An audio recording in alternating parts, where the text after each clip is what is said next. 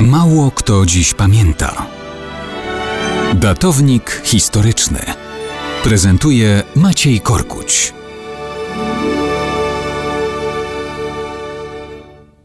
Mało kto dziś pamięta, że 8 listopada 1047 roku po raz trzeci tron papieski zajął człowiek, który, delikatnie mówiąc, mało zasługuje na zaszczytne miano następcy świętego Piotra. To czasy podporządkowania papieży świeckim monarchom. Benedykt IX, bo o nim mowa, był protegowanym cesarza Konrada II. W 1032 roku zasiadł na tronie papieskim dzięki intrygom i przekupstwu. Miał jakieś 20 lat. Nie był nawet kapłanem, tylko osobą świecką.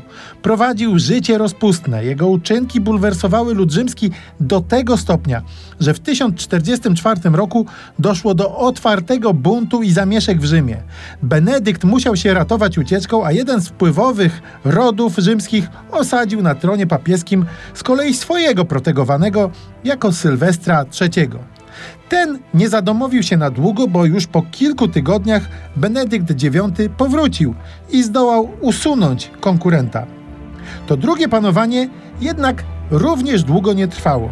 Benedykt wolał tysiąc funtów srebra niż trwanie na tronie. Dzięki sowitej opłacie ustąpił stronu na rzecz własnego ojca chrzestnego, który przyjął miano Grzegorza VI. W 1046 roku cesarz Henryk III doprowadził jednak do detronizacji i Grzegorza VI, i Sylwestra III, i Benedykta IX.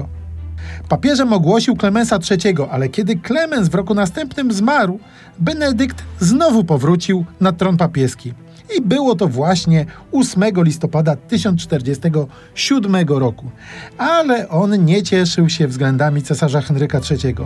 Ten rychło wskazał nowego papieża, Damazego II i w ten sposób Benedykt IX po trzech turach sprawowania władzy papieskiej musiał ustąpić pod przemocą, ale nadal uważał się za papieża.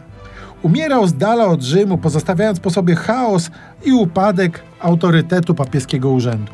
Dopiero te wydarzenia pokazują, jak wielkie dzieło reformy podjął niedługo potem papież Grzegorz VII, zmierzając do pełnego uwolnienia papiestwa spod jakiegokolwiek wpływu władców świeckich.